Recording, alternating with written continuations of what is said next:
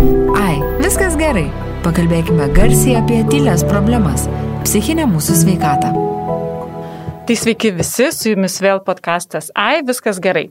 Ir šiandieną gal dėl to, kad, kad mūsų užspaudė sniegas ir, ir, ir karantinas, mes nusprendėm pakalbėti apie pokyčius.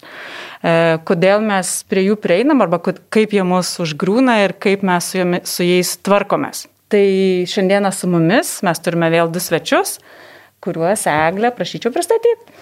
Taip, turime Jurgą Šeduikytę. Galvojam visai, kaip čia pristatyti Jurgą dabar, ar jinai yra dainininkė, ar jau dabar rašytoja, gal kurėja, kaip, kaip dabar tave pristatyti reikėtų? Kurėja. Kurėja. Jo, labai patiko Aha. iš tikrųjų, nes aš visą laiką norėjau parašyti storą romaną, tai vis dar neparašiau, tai turbūt dar rašytoja būsiu. Aha. Nors Bet jau dabar jau esi. Pakeliu, suprantu. Jo. Taip. Ir turime psichologą Gintarą Šmatavičių. Labadiena. Labadiena. Uh, nu tai ką, tai ir pradėsim apie tos pokyčius.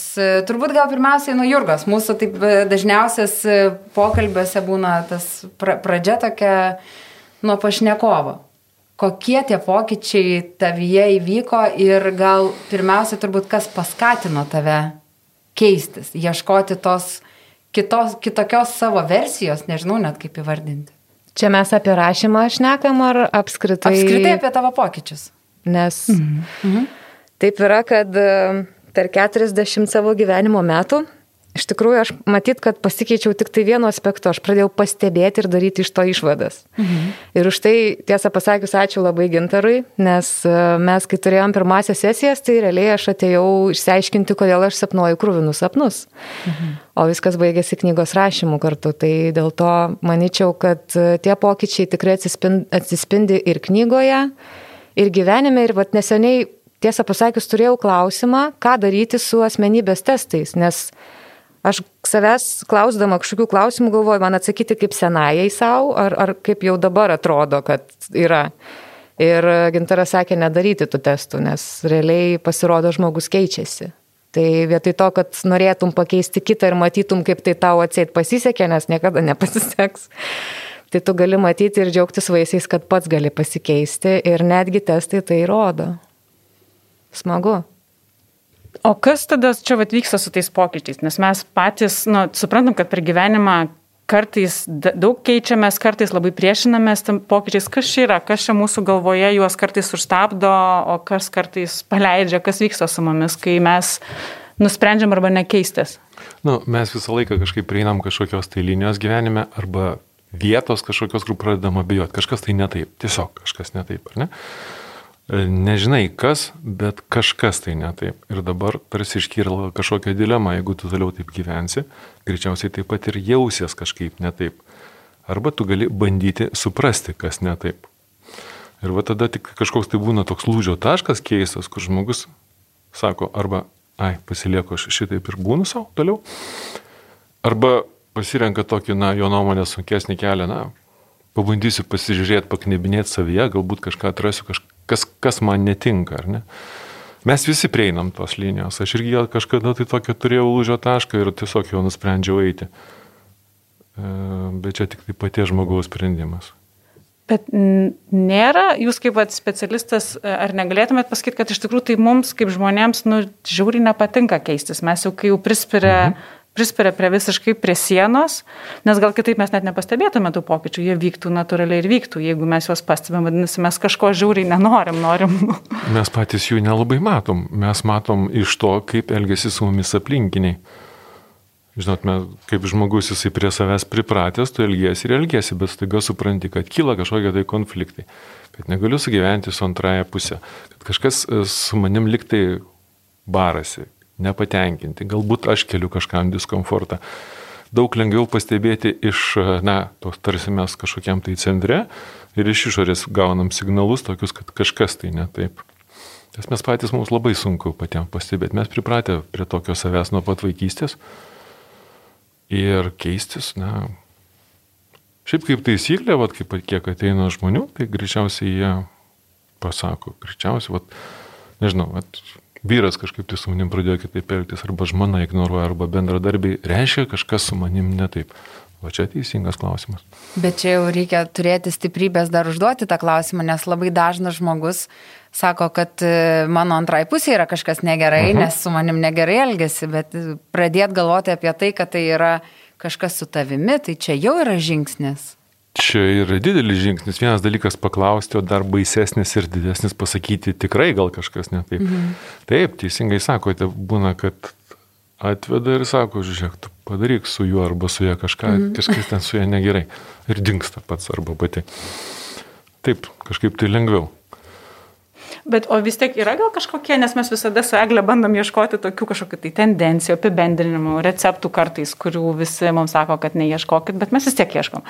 E, yra kokie, vat, dažniausiai va, tokie indikacijos požymiai, kad nu, žmogui, nu, ta prasme, kad jam pačiam va, jau beldžiasi į duris, kad klausyk, jau reikėtų kažką viduje. Ir, va, Jūs kelis paminėjot, kad ten, nežinau, vyras ar bendradarbiai turėtų kažkaip kitaip sako kažką, bet dar kažkas, kad vyksta žmoguje, kad reikėtų atkreipdėmės į save, kad, nu, čia jau gal laikas būtų. Yra tokių dalykų, nu, va, tarkim, psichosomatika, ne? Kai kūnas pradeda, jisai pradeda tausių signalus, kažkas tai negerai. Tu tarsi ir jautiesi fiziologiškai puikiai, gydytojai nieko neranda, bet tu jautiesi blogai tai tau skauda galva, tai nugara, tai pečius, tai streikuoja ten skrandis, galva e, širdis ir tada jau reikia suprasti, kad tavo psichinis kūnas su fiziniu kūnu pradeda pjautis, ar ne? Ir tu turi žiūrėti, kas yra, ką reikia daryti. Vat, manyčiau, kad į tą, į tą reikėtų atkreipti dėmesį labiausiai kažkaip, kai pradėjo kalbėti apie psichosomatiką, gintaras taip pasižiūrėjo Jurgą, aš norėjau Jurgos paklausti. Aš vos nenugrįvau. tai jau aš jau norėjau tavęs paklausti, tai ar tavo kūnas kalbėjo su tavim? Aha, aš tik norėjau gintaro paklausti, kiek tų kūnų yra. Bent jau du, tai tikrai fizinis, dvasinis. Ir psichologinis, ir psichologinis emocinis. E, Na, jisai gal, aš jį taip pakišiau po to psichologiniu. Yra galva, yra tas, kas gyvena galvoje, yra namas ir yra namo gyventojas. Aš sakau, kad aš ne viena. Jeigu mūsų kūnas yra būna, mūsų namas, ne, gyvena. tai gyventojas kažkaip tai blogai su juo tvarkosi. Nes mm. blogas šeimininkas, matyti, jeigu namas pradeda griūti, tai tu kažką netaip darai, tai gal pasižiūrėk, ką tu netaip darai. Tai tavo namas pradėjo griūti. Nu, ta prasme, jis ten ana, anam laikė, tai vad prieš gintarą, čia žinai, kaip prieš mūsų erą, tai vad prieš gintarą susitinkant man buvo etapas, kur aš tiesiog, matyt, pirmą kartą apskritai su psichoterapija susidūriau. Nes man buvo viso, visokio įmanomo lygio uždegimai, tiek gerklė angina, tiek ten sanariai parėjo, tiek visa kita ir panašiai. Ir čia va ta tokia tipinė situacija, aš dabar sakau, kad kai visko ieško ir nieko neranda, mhm. pasižiūrėk, ar psichologiškai dar nesi paskutiniai stadijoje psichinio išsekimo, ar kaip jis mhm. vadinasi, ar ne? Taip. Ir e, man reikėjo nueiti pas homeopatę, tai aš jai labai dėkinga, nes realiai, nu, tarsi galima tikėti, galima ne, bet kai žmogus įvardina tau tikrąją priežastį, tau visas kūnas pabunda ir sako, gali būti, kad mm. va šita priežastis. Ir man jinai įvardino, kad sako, nu jums pas, paskutinė jau stadija, sako, tai jūs darykit ką nors, nes, nu, sako, tai kas kitoj stadijoje jau ten sako, nu, kaip ir jau, jau reiktų pagulėti, tada jau, mhm. žinai, tai aš taip išsigandau, wow kodėl man niekas to nesakė. Ir kiek aš žinau, Amerikoje, pavyzdžiui, tai yra šalia tyrimų laboratorijų, yra kitas kabinetas, kur tu gali pas tą alternatyvų mediką kreiptis pagalbos kažkokios, kaip su šituo dalyku jau ten toliau spręstis, jeigu tyrimai nerodo nieko. Pas mus taip nėra ir dažnai žmonės labai kritikuoja tą kitokį būdą. Tai čia yra normalu, sakau, jeigu fizinis kūnas serga, aš pat pripažįstu ir pati buvau tame ir supranti, kad tada reikia tvarkytis nu, su galva, tiesiai sakyti taip. Bet mes kažkiek, kiek vat kalbam mūsų laidose, tai ką aš pastebiu, nu vis tiek mums reikia, kad davestų mus iki jau visiškai, visiško išsekimo, nu jau kito prieš paskutinio laiptelio arba paskutinio, mhm. kol mes prisikasam prie tos minties, kad reikėtų kažką tai keisti. Kas čia ateis su mumis, tai yra tokio nežinau, blogai, kad mes nepastebėm kitų šviesų, ta prasme, to, kai jau geltonai įsijungtų. Dėl to mūsų podcastas ir vadinasi, ai viskas gerai. Mes jau, va, nu rimtai, palaukiam jau, kai jau aplinkiniai mato, kad jau yra paskutinioji, nu tada gerai, gal kažką manau, pakeis. Manau, todėl, kad mes tiesiog bijom. Mes bijom nežinios visą laiką. Jau tada, ir tada gaunasi taip geriau tai, ką aš turiu, galbūt labai baisu, bet bent jau man pažįstama, žinau, kur aš grįšiu, kur aš būsiu, gal diskomforte. O tenai nieks nežino, kas laukia ir labai baisu rizikuoti. Manau, kad tai yra nežinios baimė, nes nežinai, kas bus, nežinai, ką tau pasakys atėjus arba kažką, ai geriau aš pabūsiu ramiai. Taip, gal ten pelkė, bet nebent jau mano pelkė. Tai sakyk, kad nereikia tos rankos. Atsiminiau dalyką, kas man buvo, tarkim, kai gintaras sako, tai gal jums čia nepatinka kažkas dėl to, kad jūs savęs nepažįstate. Aš užsitau visą galvoju, jėtus, jėtus, tik kiek čia 30 keli ten tie metai, jau šitiek pažindinos ir čia man žmogus sako, kad aš nepažįstu. Eina savo, jis nepažįsta manęs, jeigu ką. Pats jis nieko nežino. O paskui jo, pats Jo, nežino. Nu, bet, nu kaip, nu, ir žodžiu, ir tiesiog galbūt tas baimės, tas momentas, tai jisai atrodo taip, kad aš sakyčiau, vežuosi paskui pilną krūvą, nežinau kokio blogo dalyko, ta prasme ir bijai, kad tas kalnas, jeigu tu jį pradėsi ten po apačią, ten patrauksi vieną, tai visas tas va, dalykas ant tavęs ir užgrius ir tu ten neišsikapstysi niekada gyvenime. Taip atrodo. Ir dėl to žmogui yra baisu, nes realiai, kas ką reiškia prisidirbau, nu žinai, per visą gyvenimą. Prisidirbau, kiekvienas elementas yra, kai nebuvau savim, tai ir prisidirbinėjau.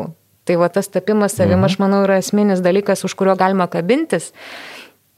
Nes realiai mes vis tiek viena, vienaip ar kitaip mes turėtumėm tapti savaip ir sa- savimi ir man atrodo, jeigu žmonės netiki kitais gyvenimais, tai jie gali patikėti tam, kad jiem būtų patiems lengviau, tai kad jeigu šį gyvenimą jau tu ten to lygio nepraėjai savo, nu tai tada grįžti dar kartą praeit, nes vis tiek reikės. Tai aš taupyčiau laiką ir tiesiog praeičiau šitam gyvenime, nes o jeigu nėra to kito, tai žinai, tai tada gal ten ir nuo to priklauso, kur toliau ten keliausi ar, ne, ar iš viso baigsies. Tai, nu, Gintarai, o vat, žmogus ateina pas jūs su vat, tuo bandymu kabintis į kažkur, kad keistis. Mhm. Koks yra vaidmuo terapeuto tame žmogaus pokytyje? Mm, Gal pirmiausia tai padrasinti, pastumėti ir visą laiką palaikyti, nes toksai kelias sunkokas, tas žmogus jisai labai bijo, iš tikrųjų, įvairiausių dalykų būna, bet greičiausiai palaikyti ir tame procese gal ne, neišgazdinti jo taip, kad jisai vėlgi nepabėgtų, mm. bet niekada nepataikauti, sakyti dalykus, kokius jie yra, tokia kalba, kokią jisai priema arba supranta. Tenka sustabdyti kartais? E, Taip, kartais tenka sustabdyti.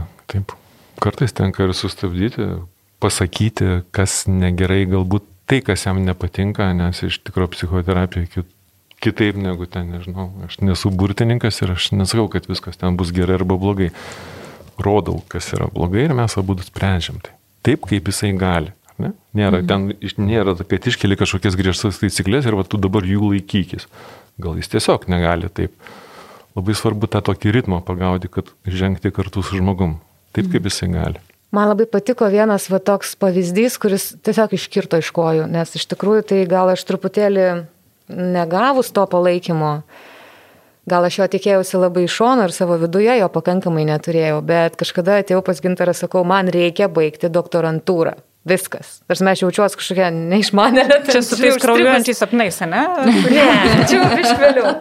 Ir sakau, man trūksta pasitikėjimo savo jėgom, vad kai baigsiu, būsiu daktarė, tai bus tada viskas gerai. Gintaras sako, gerai, sako, kilintą dieną, kokią valandą, kam skambini, kur stos ir aš tai, wow, palauk, čia taip reikia, nusoko jo, jeigu norit, kad būtų, tai reikia įvardinti.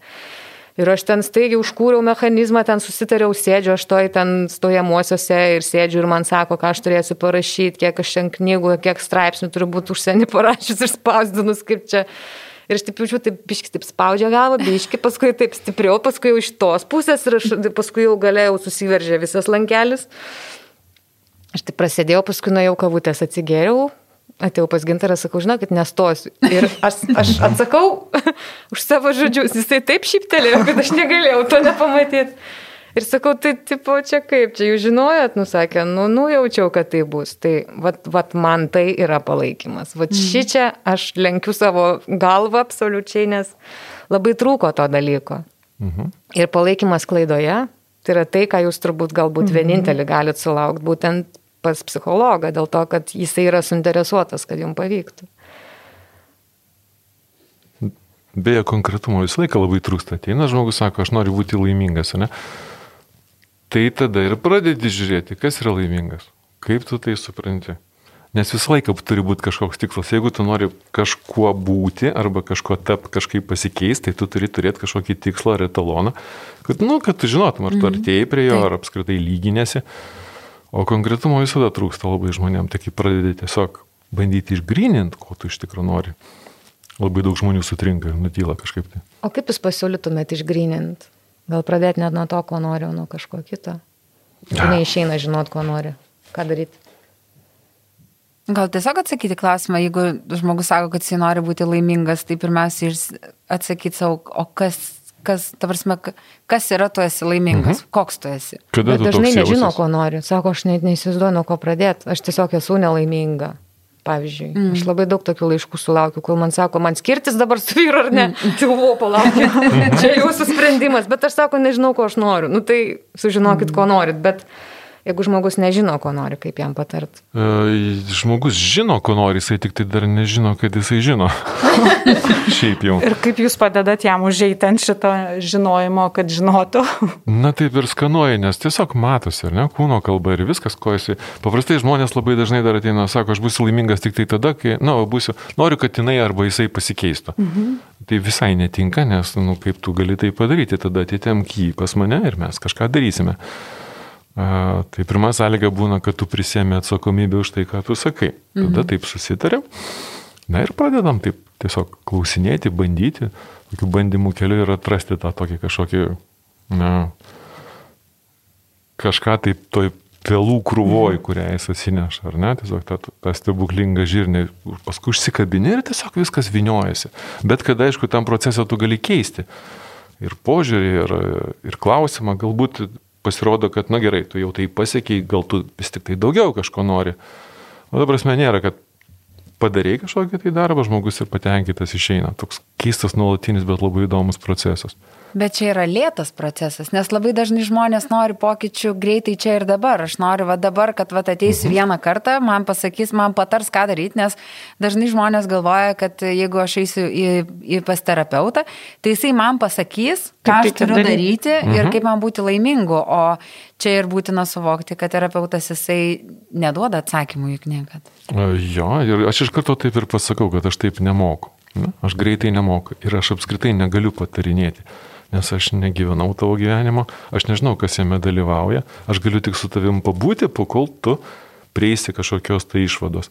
Tai yra tavo gyvenimas ir aš už jį nenuspręsiu, aš nepasakysiu, skirkis arba ten kažką tai daryti. Tai tavo, ar ne? Aš tiesiog tavo pakėlėjus kažkoks, kuris laiko už rankos ir būna su tavim, pakol tu kažką padarai. Mhm. Tai, ką tu padarai, tai yra tavo gyvenimas, tavo atsakomybė. Ir žmogus tai supranta. Man dar labai žavu buvo tai, ką, Jurga, kad tu pasakytas palaikymas klaidoje. Ir, Taip. Kur, aišku, gyvenimą gali. Ir, bet man vat įdomu irgi iš, iš terapeuto pusės ir vat ką Eglė sakė, kad kaip terapeutui svarbu susilaikyti, nesukurti tos iliuzijos, kad aš padėsiu tau, ar aš pasakysiu, kurį čia kelią pasirinkti, kurį darbą pasirinkti, kurį ten, nežinau, vyrą pasirinkti ar, ar žmoną. Mhm. Kaip pat išbūti ir aš įsivaizduoju, jeigu ateina pas jūs sugriuvusi Jurga ir sako, aš noriu stoti į doktorantūrą, kaip susilaikyti viduje savo, nepasakyti, kad, nu, klausyk, Gal tu nestosi, sutaupysi už to laiko, gal, gal tu nusiraminti. Ta prasme, ir Jurga lygiai taip pat atėjus po pusės metų pasakytų, bet tai negalėjai man pasakyti. Aš nepasakočiau šitos istorijos, jeigu būtų kitaip. Aš manau, kad Tik, kad aš, taip, žinojo, ką daro.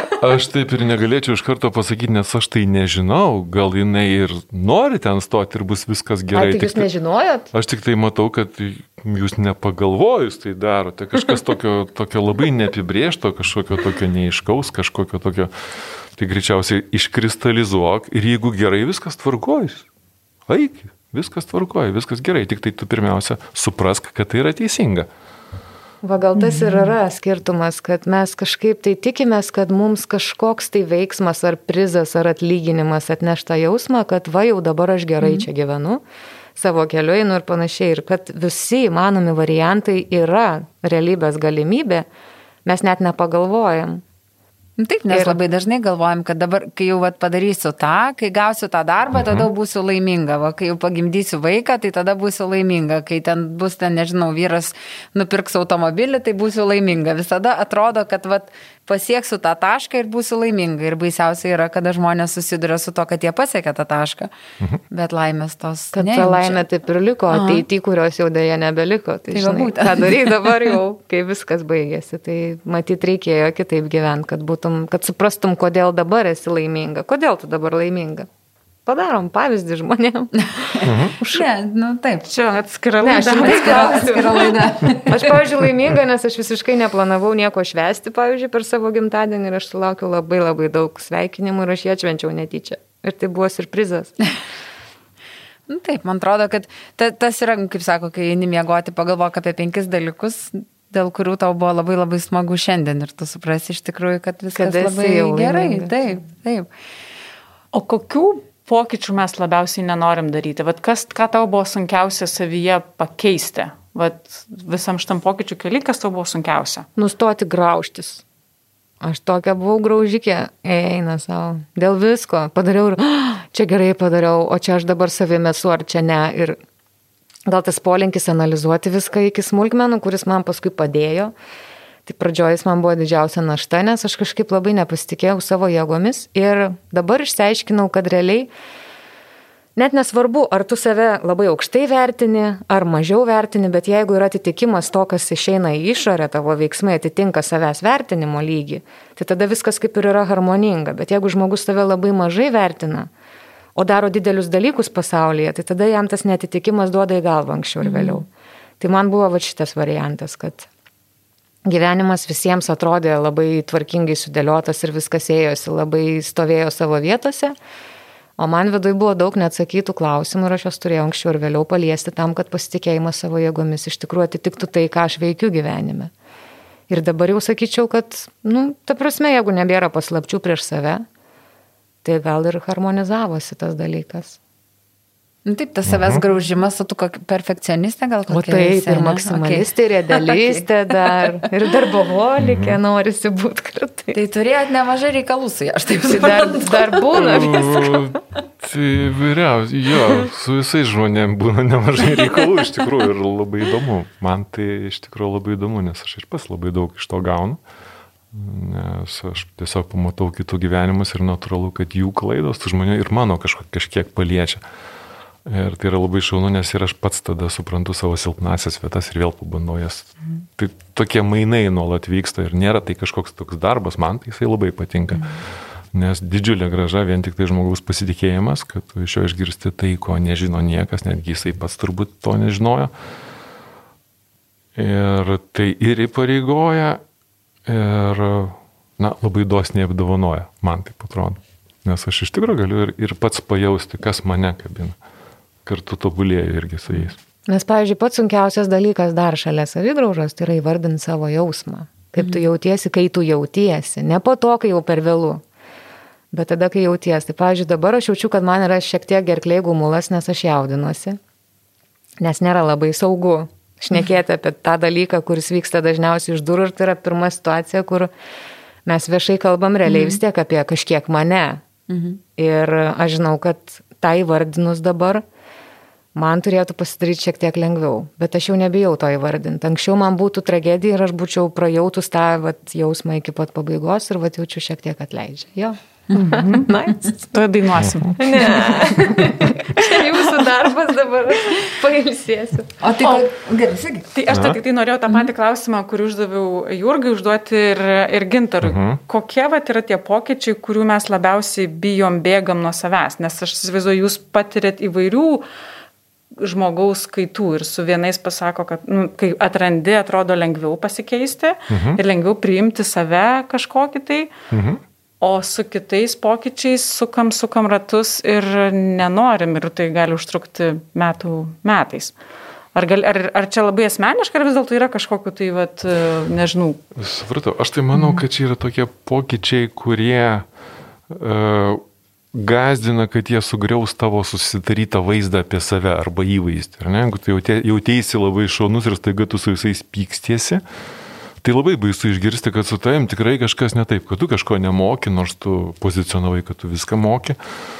Tie, kurie grasina sugriauti tavo tą kažkokį tai nežinau, susikurtą paveikslą arba kažką tai kitų akise, nes tu tada tiesiog subirėsi, pirmiausia, savo turi pripažinti, kad tu darai klaidas, tu nesi toks, koks tu įsivaizdavai arba kokį tave kiti matė, va tokie yra labai baisus greičiausiai.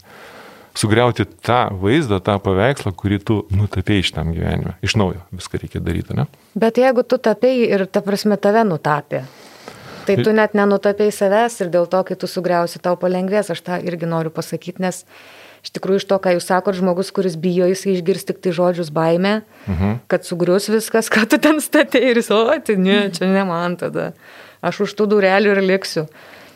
Na, Bet realiai, kad tai susijęs su palengvėjimu, atsikratant to, ko nereikėjo viduje, kas buvo ne tavo, tai yra visuomenės gal įsivaizdavimas, kažkoks tėvų įsivaizdavimas. Mhm vaikystėje patirtų traumų neišsprendimas, nes kartais tiesiog tu rodai, pavyzdžiui, savo jausmą, kas yra kiekvieno vaiko kaip ir misija ir tau sako, baig čia dabar rodyti, čia man negalima ir tu, tu, tu užsidarai vieną kartą, tada antrą kartą parodai, vėl užsidarai, nes palaikymo nebuvo.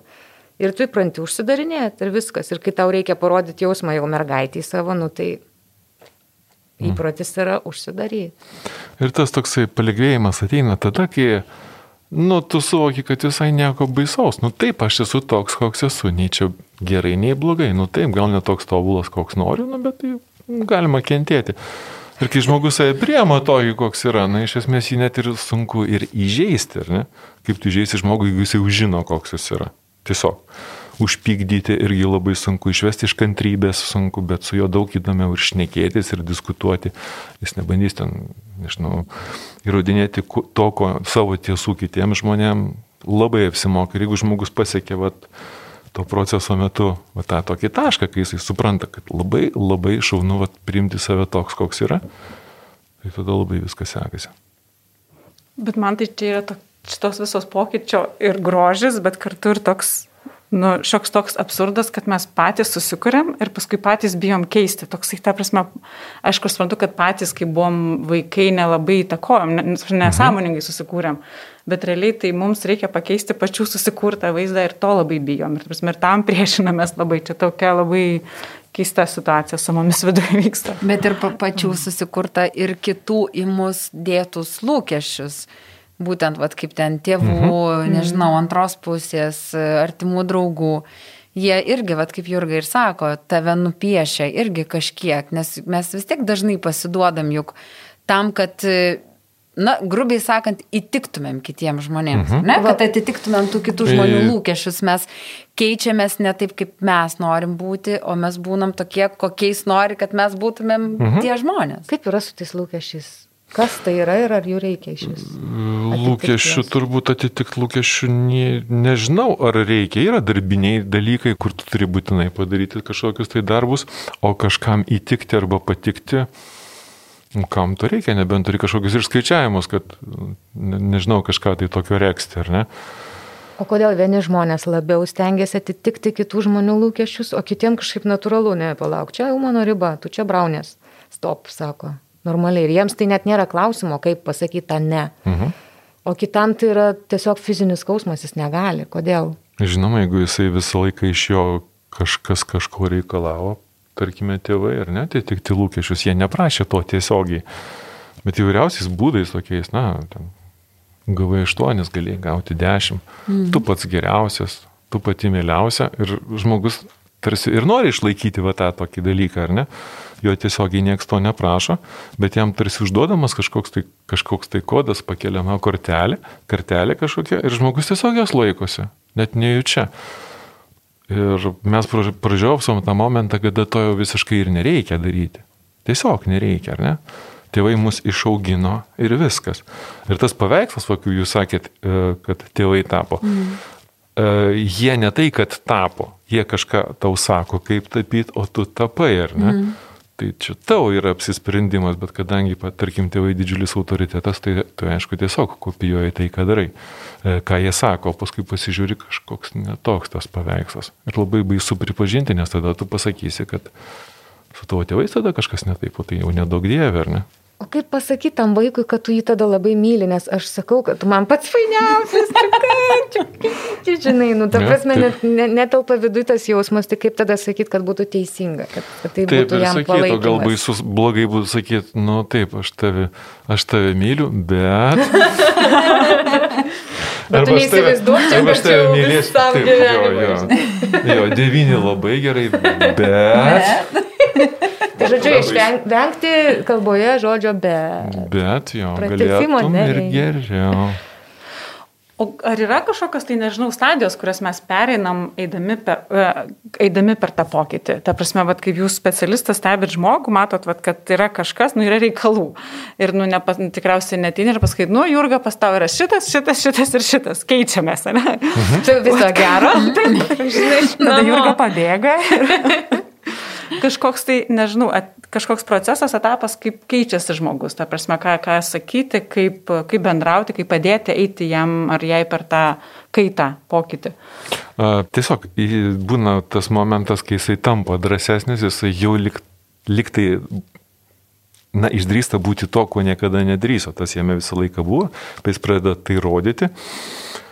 Ir labai taip atrodo, vat, pajauti, kad, na, va, va, va, žiūrėk, dabar kitas lygis, pabandom kitaip, dabar įdomiau, ar ne, bus tiesiog drąsiau. Ir labai įdomu, nes tai būna gana trapu. Jisai tarsi pradeda tokius naujus žingsnius daryti ir tada labai svarbu neperspūsti, nes tada tikrai įsigasi. Bet va tokių, tarkim, kaip na, stadijų tokių jas labai iš tikrųjų sunku išskirti būtų. Na, pirmiausia, tai greičiausiai tai būtų tas, pirmiausia, tai prieimimas, kad su manim kažkas negerai. Paskui suvokimas ir prieimimas, kad žiūrėk, man pavyksta, aš kažkoks esu, aš keičiuosi ir tam nieko baisaus visai neatsitiko, nors aš bijau, kad ten aplinkiniai pasmerks, ten mane kažkas tai mes, to neįvyksta. Na žiūrėk, tai reiškia, galiu būti drąsesnis. O tokiais žingsniais tarsi ir, ir eina žmogus visą laiką ir staiga jis net ir nesupranta, kad pasikeitė, nes aš labai dažnai sakau, kad na, nelabai ir suvoksite pokyčių, juos įvardins tie žmonės, kurie jūs supa. Ir iš tikrųjų labai dažnai tai būna. Nes mes patys žengdami visą laiką tai mes to nepajuntame.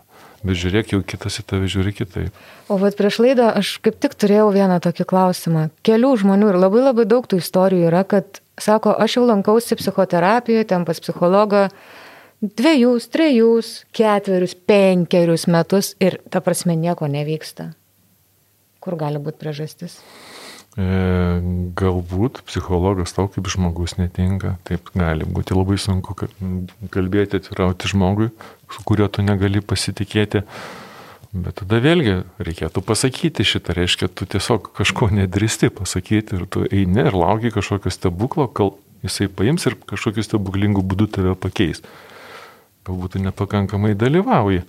O jeigu kas nors netinka, tai to konsultavimo metu tai visada yra labai pageidautina, kad atgalinį ryšį žmogus duotų ir prieštarautų, ginčytųsi, tai yra labai gerai. Galbūt tu nedristi kažko, tai tu sėdi savo ir klusniai darai tai, o nieko nesikeičia, tai čia dabar. O gali būti, kad žmogus tiek užsidaręs yra, kad su juo neįmanoma nu, tursime, pasiekti tų rezultatų kažkokių laisvesnių. Taip būna, būna, bandai įvairiai, tada tiesiog pasakau, kad neišeina. Tada, tada jau pats terapeutas turėtų pranešti, kad jam nesigavo. Taip. E, Taip, nes ir man tada būna labai sunku. Tiesiog būna labai didžiulis diskomfortas išsėdėti valandą prieš žmogų, kuris tiesiog tavęs visiškai neįsileidžia inritingai, o tiesiog ateina ir būna. Tai tada tiesiog pasakai, kad tiesiog man nieko nepavyks. Na, ne visi pasiruošę, tikriausiai. E, Taip, ne visi pasiruošę būna, e, bet vat, tuomet vat, sėdi ir laukia, tu paimk ir padaryk su manim kažką to. Ir nu, aš vas pasėdėsiu palauksiu. Sutvarkykit mane, kaip pas mus čia kelis kartus jau laidoj buvo. Taip, taip, taip, o Oi, pataisykit mane. Nes jeigu einu į kirpyklą moku pinigus, tai man kažkaip mane sušukuoja, ar ne? Tai gal tu ir tu kažką padaryk, aš pasakysiu ką, o tu ir daryk. Triuką kokį. Aš tada tiesiog... ten triukų paskui nieko nesigauna. Bet vat, va, jūs kažkaip kaip sakėt, kad tu to pokyčio netiek pamatysi pats, kiek matysi iš, iš kitų, ar ne? Tai va aš galvoju, tas pokytis, ar jis turi kažkokį galutinį tikslą? Nes ar nėra, ar nėra kažkokio, nežinau, pavojaus užsisukti tokiam begalybės rate, ieškant to, tos geriausios savo versijos? Mhm. Tarsi surandi, bet, nu, bet va, tada gal dar galėčiau būti geresnė, o, tada, o gal dar tada galėčiau kažką. Ar negali žmogus užsisukti taip, kad jisai tada amžinai ieško dar truputėlį kitokio savęs ir keičia save? Mm, ne, tu pajauti kažkokią tai ribą, arba aš tiesiog pasakau, ar ne, kad na, jau panašu, kad pat tą klausimą, kokį jūs norėjot, mes išsprendėme. Ir jau tada žiūrėkite kažko, ko dar nori. Gali būti, kad vėl nori, bet ar ir vėl prasideda, ar tai apskritai realu, ko tu nori. Taip, mes galbūt norim ir pasaulį valdyti. Bet jeigu tu suvoki savo ribas, savo galimybės, savo ribas, savo trūkumus, privalumus, tai paprastai žmogus jai pasako, puiku, ačiū, va, dabar aš jau savo vietoje. Mm. Ir tai iš karto matosi, nes toks jausmas, kad jau nebėra ką su juo kalbėti ir mes tada labai gražiai taip išsiskiriam. Žinai, Eglė, tu pati vardinai, kad žmogus galvoja, kaip čia būti savo tobulesnė versija. Tai dar yra viena problema, kurią reikėtų apgalvoti. Ir, mhm. pavyzdžiui, mano tikslas tai yra, tasme, jo nėra. Aš tiesiog kaifuoju nuo to, kad pokyčiai vyksta. Ir ta prasme, žinau, kad tai yra faina. Ir kad aš to negalėjau patikėti, kad būdama savimi, tiekždama kažkam savo nuomonę, kurios anksčiau iš viso savo net neįvardindavau, aš dar palaikymo sulaukiu. Ir ta prasme, būna draugė kokia nors padėkoja, sako, tu taip teisingai čia man pasakė, aš dabar pagalvosiu apie tai. Mm. Tai jausmas vidui pasako, ar tu eini teisingu keliu. Taip, taip, kaip ir mhm. sako gintaras, tos ribos vidinės kažkokios jos vis tiek yra. Nes jeigu tu kažko nori, tai tu vėl kažkur tai nuleki.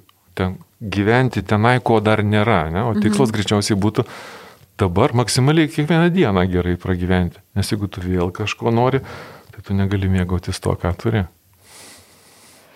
O Jurga, gal tu gali pasidalinti su tuo vat, jausmu, tuo, nežinau, ar čia ar buvo toksai, nebuvo, va, tas pirmasis pokyčio džiaugsmas, kur vat, įvyko, pasivat, sakėjai, mhm. pa, tau buvo graužatis, ne? Ir tas, ar prisimeni momentą, kai tai savyje, nežinau, įvykiai, ar susitaikiai, ar kažkas įvyko, koks jausmas, kas ten buvo? Aš netgi atsimenu konkretų dalyką, kuris knygoje yra irgi aprašytas. Um, tiesą pasakius, buvo graužatis ir kaltė, savęs kaltinimas. Ir aš vieną kartą parke vaikščiodama sutikau savo vaikystės draugę, Sigutė ir sakau, nu va, kaip matai, liūdna, va dabar, va tokia, va kažkokia nuliūdusi, čia man va daug bėdų, čia sprendžiasi gyvenime ir panašiai. Jis sako, Jurgas, sako, tu niekada nebuvai nuliūdusi, sako, tu buvai linksmas vaikas. Ir aš suklusau, ką jinai sako, galvoju, kad aš visai kitaip apie save galvoju.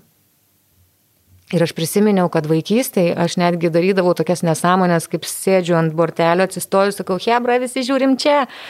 Ir šoku nuo bortelio ir sakau, tada, ir tada bėgu, kad manęs nepagautų, nes visi žino, kad čia jau mano bairiai tie nurauti, kur ten pastovi išsityčio iš vaikų, žinai, ir pati savo žvengiu ten kažkur kamputį ir man labai linksma nuo to, tai aš buvau pasiutus visiškai. Ir buvau dėkinga Sigutį, kuri man priminė tą dalyką, kad aš esu linksma viduj iš tikrųjų. O aš buvau patikėjus, kad aš esu liūdna, nes kažkaip patikėjau to, ką žmonės aplink sakė. Ir aš tada, žinok, vietoj kalties ir graužaties aš pykti pajutau, aš buvau bračiu, net nežinau, ant ko pykstu, ne ant jų, ant savęs. Ant savęs, taip. Ir tada galbūt tai buvo, kad tas didelis, toks garlaivis, didelis, žinai, sunkus, jisai atsigrėžė ir aš supratau, kad čia apie mane, O ne tai, kad tas man tą pasakė, dėl to aš taip sureagavau, o šitam iš vis reikėtų keistis, nes aš su juo, žinai, ten norėčiau kitokiu būti. Ir aš tada pradėjau ieškoti atsakymų savo viduje ir aš nusiraminau labai stipriai, nes supratau, kad keisdama kažką viduje ir tikėdama, kad aš esu mažasis kosmoso variantas, aš keičiu visą aplinkinį kosmosą ir tada kitame žmoguje aš jau nebenoriu pokyčio. Aš noriu jį palaikyti, kad jisai lygiai taip pat patikėtų, kad jis gali keistis, nes nuo to bus geriau ir man, nes mes esam viskas mhm. viename. Nu, tai mhm. apie tai ir krikščionybė, ir net nereliginiai tie visi pasakymai. Ir, tai tiesiog matyti yra dar kitas levelis, link kurio reikia nueiti. Tas, tas negali įvykti staiga, aš vad mylėsiu savo artimą, kaip pat save. Nu, pradžioje reikia save išmokti mylėti. Kad Nes suprastum, mes tą artimą mylim, kai gražiam tai save ir plakam visą laiką. Jo, jo, nu tai va, tai žodžiu, viskas ten teisingai pasakyta, galima to vadovautis, bet reikėtų tam, nu, tiesiog gal subręsti. Mhm. Arba skundžiamės, kad mūsų niekas nemyli ir verkiam, tai kaip čia tave mylėti, jeigu tu pats savęs nemyli, ar ne? Man tokie keisti dalykai, bet apie tai mažai kas pagalvoja. Nu, bet sunku, Ai, gintarai sunku. tai žinau, mylėk save. Nu gerai, va. Nu, myliu, myliu. Taip, labai paprasta apkaltinti kitą dėl to, mhm. kaip jautiesi pats, nors iš tikrųjų juk pats esi, atsakingas už tą jo, savijautą. Tas, tas ieškojimas antros pusės, aš tai manau, kad nuo čia klaida prasideda, nes iš tikrųjų antra pusė tai ką reiškia. Nu, tai mes, aš pavyzdžiui, turiu stipresnę dešinę koją, kito atkairė stipresnė ir mes ten kartu tos klipotos jau kaip normalus žmogus einam, jeigu pusė pusė. O taip nėra. Ir dėl to būna didžiausia problema ir santykiuose, nes tu tikiesi, kad tavo va, tą skersvėjį ir tuščią skylę, kurią tu turi išspręsti, užpildys kitas žmogus. Mhm. O jis nekvailas, jo organizmas jaučia, tu iš jo sirbi. Ir jis sako, ne, neduosiu, duok. Arba jis turi savo pusę. Hmm? Jo, o jis, pavyzdžiui, pilnas, o tu esi pusė. Ir paskui supranta, kad tu jam nepasakėjai, kad tavęs tik pusė, žinai. Ir, mm. ir tu nenori spręsti, nori, kad jisai išspręstų. Tai, nu, Man atrodo, kad kažkaip tai jeigu neišeina suvokti to viduje, galima labai daug įsivaizduojant savo vaizdais atsakyti arba knygas geras skaitant, tai tu supranti tiesiog, koks jausmas turi būti viduje, kai gerai.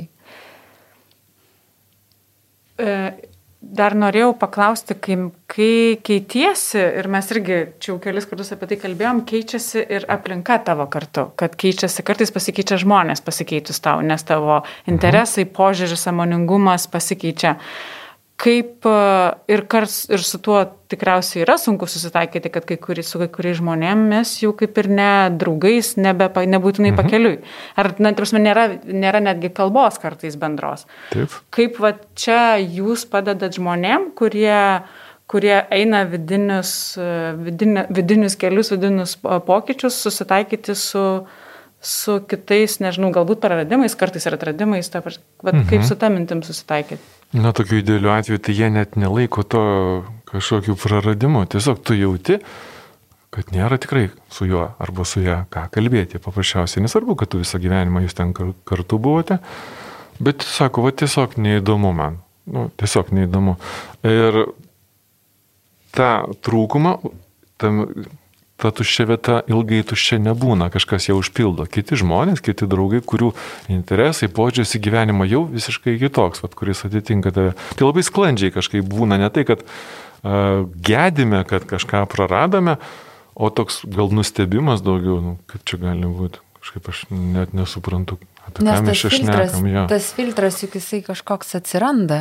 Taip. Juk, bet, pavyzdžiui, kaip šiaip artimi žmonės, kaip tavo, artim, vat, artima aplinka pradėjo reaguoti tavo pokyčius. Nes juk būna, pavyzdžiui, žmonių, kurie lengviau su taim bendrauja, kai tu esi nelaiminga, o kai tu staiga pradedi hmm. žydėti, bet yra juk tokių žmonių, kai pradedi žydėti, žmonėm būna sunku bendrauti. Mhm. Jie gal yra tie gelbėtojai, kuriems reikia visada, kad tu ateitum pasiguosti ir jie tave gelbėtų ir trauktų. Ir staiga, kai tu sakai, opa, žiūrėk. Va, Žydžiu. Tada, tada, nušokau nuo bordiūro, tada, man viskas gerai.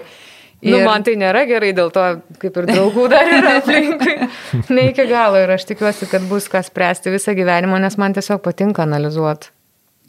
Bet kitas dalykas, tai aš gal kitaip pasakyčiau, aš pradėjau jausti žmonės vampyrus, nu, energetinius, tarkim, kuriems labai taip e, sunku gyvenime mm. ir, ir jie taip nori, kad tada gal, o, faina, va tau fainiau negu man ir tada gal pabūnam kartu, žinai, tai aš Jeigu aš jaučiu, kad vyksta apykaita kažkokia energijos, aš tada būnu su tuo draugu. Bet jeigu nevyksta ir kurį laiką ir tu jauti, kad žmogus, jisai gal savo garsiai įvardindamas pats lieka savo paties stopo taške, tai mm. jisai niekur ir neišjudės ir jam to nereikia. Reiškia, o kam reikėjo apie tai išnekėti ir prašyti kažkokio čia patarimo, žinai, jeigu tu nepasiruošęs tam dalykui. Tai pasikeitė žmonės ta prasme, kad liko iš vis du, trys vietoj keliolikos gal. Nu, tai va, aš apie tą ir mhm. kalbu. Kad, kad jie nesikeitė, jie tiesiog liko ir jie užsitvirtino, va, kaip mm -hmm. tie, kurie lieka, bet kokioje situacijoje, nes jiems nesvarbu, ką aš darau, jiems svarbu, kas aš esu.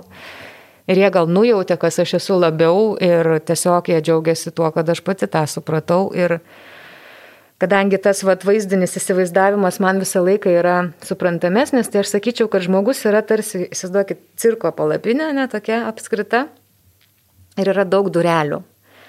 Tai pojūtis savęs, jisai nesikeičia metams bėgant. Tursime, tiek kūdikystėje, tu kai gimiai, tu save jauti tokį patį, tiek pačiam gyvenimo jau saulėlydyje, bet priklauso nuo to, kiek tu tų durelių atidarai ir kiek žmonės tave pamato. Tai dėl to būna, kad tu kaip ir ten keities, kiti sako, o jei, tu čia radikaliai, kai buvai, čia dabar atsivėriai, pražydai, ne aš daugiau besižydinti čia savo jaučiuosi, nei ką aš jaučiuosi taip pat, kaip jaučiausi.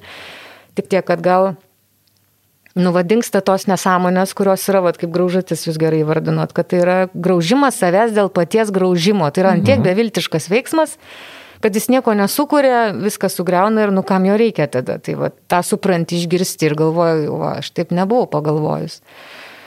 Ir kitas dalykas, man gal klausimas kiltų, tai va toj palapiniai aš jaučiuosi, kad aš atidarius labai daug durelių. Ir aš nežinau, ar tai yra gerai, bet aš žinau, kad tai yra mano natūra. Aš noriu būti atvira. Man per mhm. tai ateina kūrybinės ten vizijos visokios ir taip toliau, kūryba visa per ten ateina, santykis su žmogum geriau sekasi, kai aš esu atvira. Tai gintarai klausimas būtų, o kiek galima atsidaryti? Ar yra kažkokia riba, ar tai yra kiekvieno žmogaus asmeninis reikalas? Ir kaip atsidaryti uždaresniam žmogui? Mhm kad ten nepridirbtų, nes nu tada jau, nu, sako, bažnyčia atidaryta, tai ateina kas nors pritrepsi tenai purvo ir, ir ką tada daryti. Kaip pasitikėti žmonėmis. Išvaryti iš bažnyčios, uždaryti ir išsiplauti grindis. Tiesiog tu pats, pats turi tai pajausti. Nes uh, na, tie žmonės, kurie, tarkim, keičiasi mūsų gyvenime arba ką yra vienas toks keblumas. Taip, draugus mes galim pakeisti, bet yra grupė žmonių, kur mes niekaip nepakeisim, ne? kur mes susiję tikrųjų ryšių, tai yra mm. broliai, seserys, mamos, tėvai. Mm. Va čia tai, nes juk ir jie mato, kad su tavim kažkaip tai kitaip. Jie tave pažįsta daug labai gerai ir daug metų. Ir va čia atsiranda kartais tokių paradoksalių situacijų kartais kur dabar atrodo, ką čia dabar daryti, kaip jiems čia įrodyti, parodyti ar kažką. Ir mes kartais net savo tėvus bandom priversti, kad jie pamatytų, kokie mes dabar staiga visai kitokie tapom. Nors iš tikrųjų tai tiesiog neįmanoma. Reikėtų paprasčiausiai nu, suprasti, kad tokį dalyką, kad jie mane, tarkim, mato vaiką tiesiog, ar ne, kažkokį tai. Ir tai yra jų teisė. Mes vis tiek negalime versti kitų žmonių keisti. Jeigu tarkim, jeigu žmogus apie mane na, yra prastos nuomonės kažkokios, na, tarkim, tegu mano, kad aš kvailas. Na, ką aš galiu daryti? Aš galiu įrodinėti, kad aš protingas kažkaip tai, eikvoti savo energiją, vargiai aš įrodysiu, nes jisai dėl šventos ramybės tik tai sutiks, bet vis tiek manys, kad aš toksai. Bet aš galiu ką padaryti, aš galiu galbūt pagalvoti, na, palauk, nu taip, nu nesu gal aš ten kažkoks tai ypač protingas, nu esu toks, koks esu. Kita vertus, tas žmogus, gal, kodėl jis taip kalba, gal dėl to, kad, nežinau, gal jis blogai jaučiasi, gal jisai apskritai piktas, gal jisai serga. Čia man keistis visiškai nereikia, aš esu toks, koks esu, ir viskas tvarkoja. Tai pykti ant kito žmogaus dėl to, kad jisai negali tavęs priimti, nereikia. Nu, ne tai, kad pykti, piktintis galbūt taip labiau. Mm, na, jeigu mums labai svarbu, kad mus, iš vis kodėl mums svarbu, kad mus būtinai turi kažkodėl tai kiti priimti. Šiaip nu, tai šitam... Svarbu. Nu, bet faina. Svarbu. Negalim nuo to pabėgti. Nu. Tai galima, bet tai įsivaizduokite, kiek tada mes investuojame į tą reikalą ir ar graža bus tokia, kiek mes investuojam. Tai puiku, viskas gerai, jeigu ten greitai pavyksta, bet jeigu tu gaišti energiją, o kas dar baisiau, tu gaišti savo gyvenimo laiką, kad įrodyti kažkam, tai kurį jisai paskui pa, kažką pamirš, ne, tą rezultatą, arba ir tu pats pamirš, dėl ko tu rodinėjai, va, kau gaila nes mes mokam savo gyvenimo laiko, čia yra pati brangiausia valiuta. Man atrodo, čia dar su lūkesčiai susiję yra, nes pavyzdžiui, nebuvo tokia situacija, kur aš irgi galvoju, kaip čia mane, kad suprastų. Ir um, aš nekėjau su draugė ir jinai sako, aš sako, tai savo tėčiui nesakysiu, nesako, aš žinau, kaip jisai sureaguos. Aš sakau, bet tu jam kitką sakytum dabar. Ašgi žinau, kaip sureaguos, jam neapsimoka to sakyti, nes jisai visą laiką tą ir tą daro. Mm ir jinai uždaro kelią savo pasibandyti, nes realiai, pavyzdžiui, jeigu tu nori atsiprašyti žmogaus, tai nereiškia, kad jis tau turi atleisti. Bet jeigu tau yra poreikis atsiprašyti, tai tu prisėmė atsakomybę iki savo veiksmo tam tikros ribos, nuo kurios jau žmogus tau atleis arba ne. Bet mm. šitas yra labai svarbus dėl savęs, tai yra meilė savo. Ir atsiprašai ir, nu, jau kaip išeina, dėdi krūmus, ten padedi regelį, ten padarytą veiksmą yra labai svarbu. Ir vad neturėti lūkesčių tai yra palikti žmogui gyventi jo gyvenimą nuo tam tikros vietos. Duoti laisvę iš meilės, tarkim, mm. tarpusavio. Aš tai taip pasakyčiau gal. Nes taip. man tai suveikia labai. Bet, bet ar tau nebuvo šitam vat, pokyčio keliui, nors sakai, kad tai tęsiasi visą gyvenimą, tik tai tas samoningumas atėjo. Bet ar nebuvo to noro, kai pati atradai tą, nežinau, tą, nežinau, keitimosi kaifą, kad tai yra ok, pasakyti kitiems, kad, bet, nu tai davai ir tu taip daryk, nes bus labai gerai, ta prasme. Taigi kovoju pastoviai su to noru pamokyti. Kur ta prasme, Nes bet tu žinau, pabandyk, tai bet čia ne faina. tas tau yra. Kaip pat su šituo. Ir, ta, ir čia, čia klausimas ir tau, ir paskui ir, ir gintarui Mhm. taip pat. Aš turiu draugę, kuri mano gyvenime atsirado būtent per šitą dalyką ir matyt mane išmokyti to, kad aš nustočiau mokyti. Bet jinai atėjo mokytis dainavimo pas mane, tai žodžiu, aš kaip ir turėjau mokyti, nemokydama. Bet supratau, kad tiesiog kartais norai netitinka žmogaus poreikių. Ir tas noras dainuoti, turint tam tikras savybės charakterio, kurios trukdo dainuoti, nepavyks. Reiškia, bus labai ilgas procesas. Ir vis tiek psichologija yra labai svarbi šitoje vietoje. Tai aš jai truputėlį kitokias užduotis daviau, per kurias aš jos nemokiau. Jis tiesiog patyrė tam tikrus dalykus. Ir dabar jau mes galim mokytis dainavimo. Tai aš manau, kad šitą pamoką aš atpažinau, labai fainas jausmas viduj. Bet man atrodo, yra labai svarbu, išskiria kai kurie specialistai, kad yra vat, būtent e, rolės labai svarbu. Jeigu tu esi draugas arba jeigu tu esi sesė, tu negali mokyti sesės. Tu turi mylėti sesę. Ir jeigu tu pradedi ją mokyti, gauni į galvą iš karto. Dėl to, kad sesė sako, kaip nors grubiai ten tau atšauna ir tu galvoji, kas čia vyko, taigi mes mylim vienas kitą, ko čia dabar šakojas ir panašiai. O tu ją pamokyt bandėjai, o jinai tau parodė savo ribas, kad čia nėra mokytojo ir mokinio santykiai. Lygiai taip pat šeimoje vyro ir žmonos santykiai, nėra mamos ir vaiko santykiai, nors kartais globoti yra labai gera ir būti globojamam, bet tai yra tik tai dalis santykių. Ir jeigu santykiai pereina į fazę tokią, kad, pavyzdžiui, mm, mama vos nepasakiau, žmona tampa mama, o vyras atsimušinėja prieš juos belė kokį liepimą kaip paauglys, nu tai tada mes turim problemą ir čia vėl geriau pamatyti tą dalyką, kur, kur yra ta priežastis. Ir pačiam žmogui su visais dar tam būties darbais jam neįmanoma to padaryti vienam. Ir tą gali padėti specialistas pamatyti tiesiog. Jisgi nieko nu, nedaro specialiai, jis tiesiog gal įvardina tam tikrus dalykus arba tau padeda pačiam įsivardinti. Nu, tai. O kaip tada jūs padedat kit, e, savo, mm, nežinau, pacientam, klientam, žmonėms, su kuriais jūs dirbat, vat, s- priimti kitus žmonės? Mhm.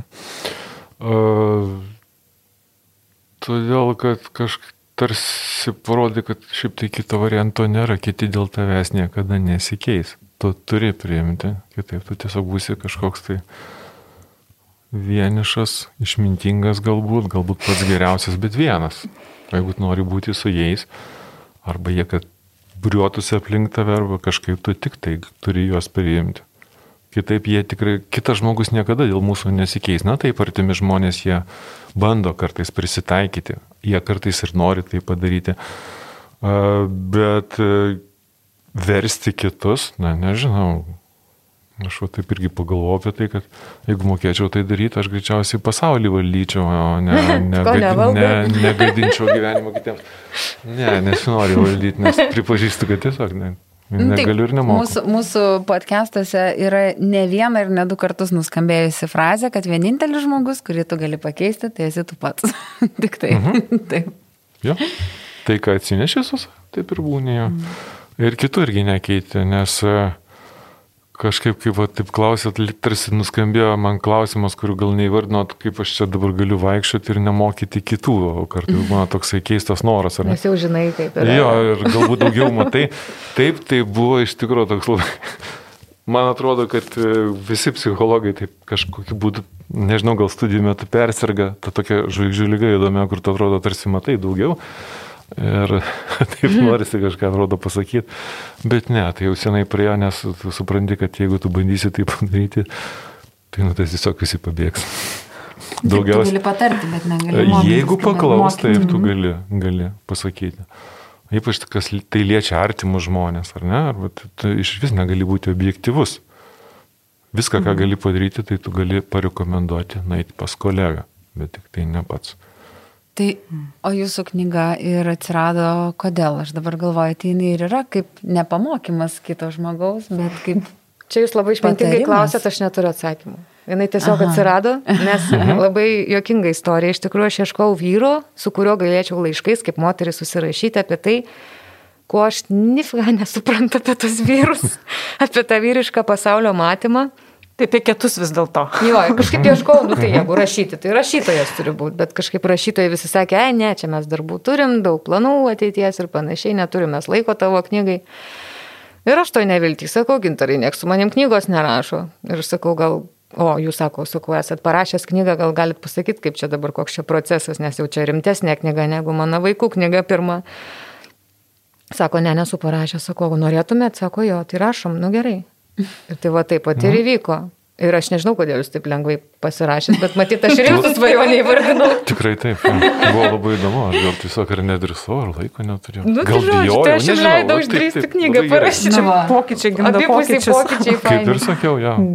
Bet knygos įdomumas yra tai, kad realiai aš ją pradėjau rašyti tokiu lengvesniu stiliumi, į kurį kaip vidinę būseną atėjau tik tai baigusi knygą rašyti. Nes pradžioje man tai buvo labai mm, kitas visai, nu, ta prasme, aš jaučiausi labai sunkiai, o rašiau labai šviesiai, nes aš visą laiką taip dainas rašau. Ir vidinė būsena man yra kaip atspirties taškas, bet tai nėra, tai nėra kūrybos šaltinis, nes aš iš blogos vidinės būsenos nesu ne vienos dainos parašęs. Aš palaukiu, kol tai praeis, pasidarau išvadas ir tada tai gimsta į dainą, jau pereina. Ir galima sakyti, nueita dvigubą kelionę, nes viena vertus tai aš keičiausi rašydama knygą ir kitas dalykas, mus keitė ta knyga, aš taip įsivaizduoju, nes kažkas iš tikrųjų keitėsi dar ir nepriklausomai nuo to, kas yra viduje. Keitėsi kažkoks apskritai gal pasaulio matymas ir pasaulis aplinkui jo. Kaip jūs sakėt, aplinka keitėsi. Mm, Tikrai taip ir iš tikrųjų buvo labai įdomu, nes na, man asmeniškai gal buvo šiek tiek iššūkis rašyti tokią formą, gal ne mokslinė, neperkrauta, bet tiesiog, kad kiekvienas žmogus tai suprastų. Ir daugybė laiškuose nuskambėjusių klausimų buvo, nu, kur aš tiesiog turėjau pasidomėti, galbūt egzistuoja ir kitoks atsakymas, kaip ir mano. Buvo labai iš tikrųjų įdomu, nes aš turėjau irgi kažką tai gilintis ar pateikti įdomesnių faktų ir dalykų. Man labai patiko. Tai žmonės tikrai ras, tikiu, ne vieną atsakymą tenai, toj knygoj, bet aš dažnai norėjau paklausti tavęs, mes visada savo pokalbėse turim tos rekomendacinius klausimus, kaip čia mes taip vadinam. E, Mes pradėjom savo visą šitą podcastą kalbėdamas apie tai, kaip, kiek egzistuoja nuostatų ir baimių. Žmonės bijo kreiptis į terapeutų, žmonės jaučia, kad galbūt reikia porei, kažkokiu pokyčiu, ar ne? Ką, kaip tu patartum tiems, kurie jaučia, kad reikia kažką keisti viduj, bet bijo galbūt kreiptis į psichologą, į psichoterapeutą dėl to, kad kiti gal galvos, kad, nu, kaip čia sako, ką čia galvos, kad aš kažkoks durnas. Nu, gal, tai aš jau nebegalvosiu, jeigu ką, Aha. galit tiesiog turėti omeny vieną žmogų. O kitas dalykas, aš manau, kad terapija prasideda nuo sprendimo prieimimo. Jau nuo tos sekundės, kai tu nusprendi, kad taip, aš kreipsiuos. Ir tada jinai pradeda jau vykti. Ir kartais būna, kad duris atidaręs jau ir, ir užeidamas į kabinetą, tu jau esi šiek tiek pasikeitęs ir vyksta tik tai pratesimas jau toliau. Tai aš siūlyčiau tai pasimti kaip iššūkį pasitikėjimui savo jėgomis, savo atsakant į, į tą tokį neįvardytą klausimą, kad aš galėsiu išeiti, aš galėsiu pasirinkti kitą specialistą ir tiesiog pasidomėti galbūt netgi mokyklomis. Nes iš tikrųjų mes, kiek aš supratau, tai dirbam pagal kognityvinę mhm. terapiją, o yra dar humanistinė, ta Daugybė prasme, tos egzistencinė. psichoanalizė, kuri, pavyzdžiui, psichoanalizė man buvo toks, nu, tu prasme, man buvo labai keista ir baisu.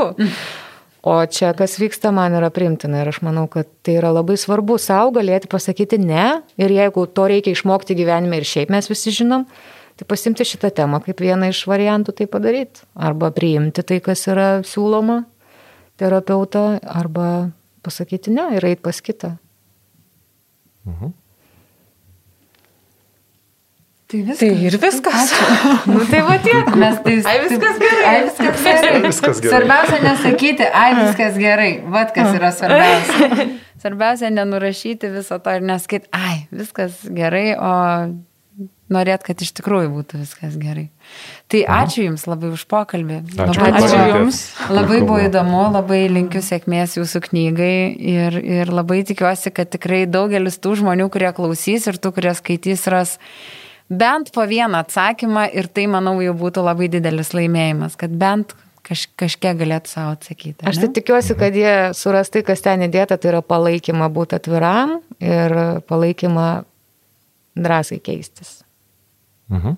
Aš tikiuosi, kad jiems pasidarys tiesiog smalsu, gal vis tik tai verta ir apsimoka nueiti. Tiesiog pabandyti, paprasčiausiai. Ne, neišsigasti, bet surizikuoti, nes tai tiesiog apsimoka. Paprasčiausiai apsimoka. Blogiausia atveju tu pasiliksi tam pačiam taške, kuriame ir esi. Taip, kad tu nieko nepralaimėsi. Visada galima sugrįžti, ne? Šito nieks netims, taip. Tai ačiū. Ačiū Jums labai. Viskas gerai. Pakalbėkime garsiai apie tylės problemas - psichinę mūsų sveikatą.